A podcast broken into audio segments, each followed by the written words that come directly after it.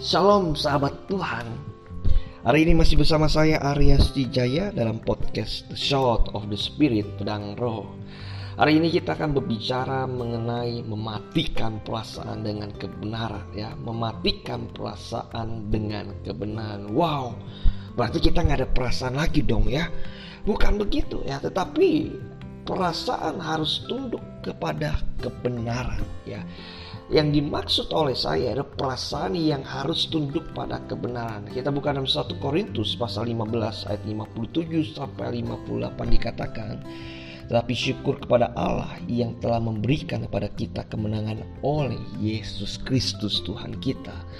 Karena itu saudara-saudaraku yang kekasih, berdirilah teguh, jangan goyah dan giatlah selalu dalam pekerjaan Tuhan Sebab kamu tahu bahwa dalam persekutuan dengan Tuhan jeripayamu tidak sia-sia. Haleluya. Amin ya. Ada hal yang nasihat dalam kehidupan kita ya supaya pekerjaan Tuhan di dalam kehidupan kita tidak sia-sia juga harus kita perhatikan bahwa ada hal yang dapat menghalangi pekerjaan Tuhan dalam hidup kita ya ada hal yang menghalangi pekerjaan Tuhan dalam hidup kita. Itu apa? Ketika kita tidak mematikan perasaan dengan kebenaran. Ya. ketika kita tidak mematikan perasaan kita ya, demi kebenaran. Ya. nah pergaulan di kota Korintus, di kota Korintus ada pergaulan yang dapat merusak anak-anak Tuhan saat itu. Maka jika hari itu Paulus memberikan satu peneguhan, kamu harus bersyukur. Karena Tuhan yang memberikan kamu kemenangan, kamu harus bersyukur kepada Allah karena di dalam Yesus Kristus bahwa kamu diberikan kemenangan, maka kamu harus berdirilah teguh, jangan goyah dan giatlah selalu dalam pekerjaan Tuhan. Maksudnya apa? Jangan sampai ya pergaulan di kota Korintus dapat merusak anak-anak Tuhan pada saat itu dan kita harus melihat kembali ya mereka harus mematikan perasaan sosial pada saat itu demi menghidupkan kebenaran firman Tuhan.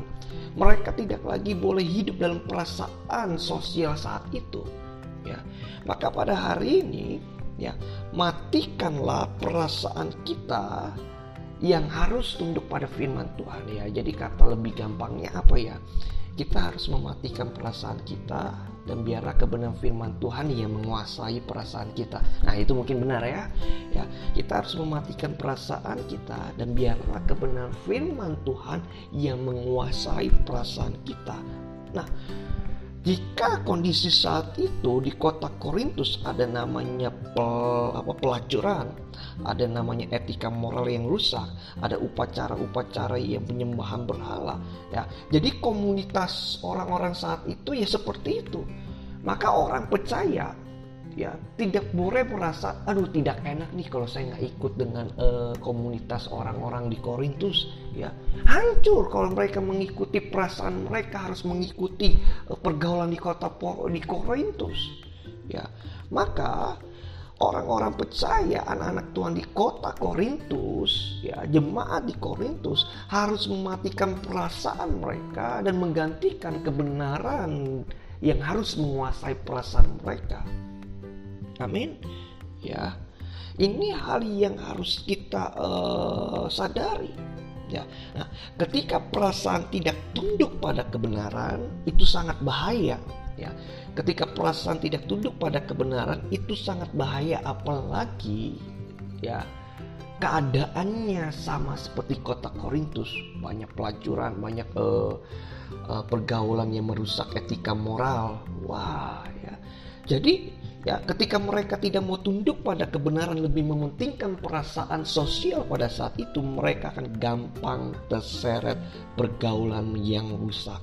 Yang kedua, mereka tidak akan mengalami terobosan rohani ya untuk menolak hal-hal duniawi ya. Kenapa? Karena mereka lebih mengikuti perasaan sosial saat itu. Jadi, ya supaya kita dapat berdiri teguh dan jangan goyah supaya pekerjaan kita di dalam Tuhan semuanya tidak sia-sia maka matikanlah perasaanmu dan biarlah kebenaran firman Tuhan yang menguasai perasaanmu. Amin. Ya, jadi inilah yang kita harus lakukan. Maka dalam kehidupan sosial, ya, bahkan dalam kehidupan pergaulan kita dengan orang lain, janganlah ada perasaan nggak enak untuk menolak hal yang tidak benar. Ya, jangan ya ada perasaan nggak enak untuk menolak hal yang tidak benar apalagi dalam dunia pelayanan, apalagi dalam kehidupan uh, berjemaat ya. Jika ada sesama jemaat mengarahkan pada hal yang tidak benar, Anda harus berani berkata, "Saya tidak mau melakukannya." Ya.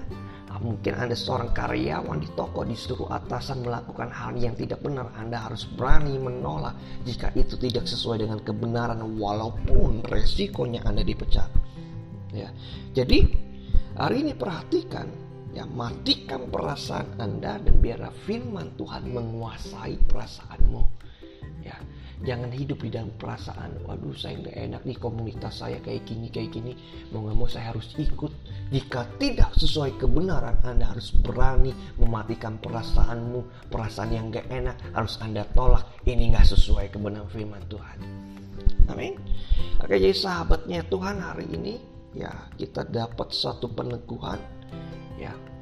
Jangan sia-siakan ya eh, pengorbanan Tuhan dalam kehidupan kita. Ada kebenaran firman Tuhan dalam kehidupan kita maka perasaan harus tunduk pada kebenaran firman Tuhan. Ya kiranya firman yang singkat ini menjadi berkat buat kita semua. Ya Tuhan Yesus berkati. Mari kita berdoa. Bapa dalam surga pada hari ini Tuhan kami mau belajar Jika Tuhan kami mengucap syukur Jika Tuhan Engkau memberikan kami kemenangan kami bersyukur Tuhan supaya kami berdiri teguh, supaya kami tidak goyah, supaya setiap pekerjaan Tuhan dalam hidup kami tidak sia-sia. Kami mau menundukkan perasaan kami di dalam kebenaran firman Tuhan. Biar kebenaran firman Tuhan yang menguasai perasaan kami, biar Tuhan seperti jemaat-jemaat di Korintus mereka diteguhkan supaya tidak ada perasaan yang menguasai kehidupan mereka, perasaan sosial pada saat itu. Maka hari ini kami juga mau tunduk pada kebenaran firman Tuhan. Biarlah kehidupan kami, biarlah kami tidak dikuasai oleh perasaan yang gak enak untuk menolak hal yang tidak benar. Ajar berani, ajar kami untuk berkata tidak walaupun itu mungkin sahabat kami sendiri, walaupun itu orang yang terdekat kami sendiri, walaupun mungkin mereka yang berbuat baik pada kami, jika tidak benar, kami mau mengatakan tidak. Ya, hari ini Tuhan berikan kami kesamukulan, berikan kami roh kudus peneguhan.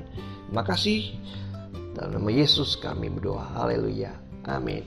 Oke sampai jumpa dengan podcast berikutnya. Kiranya Tuhan memberkati kita semua. Amin.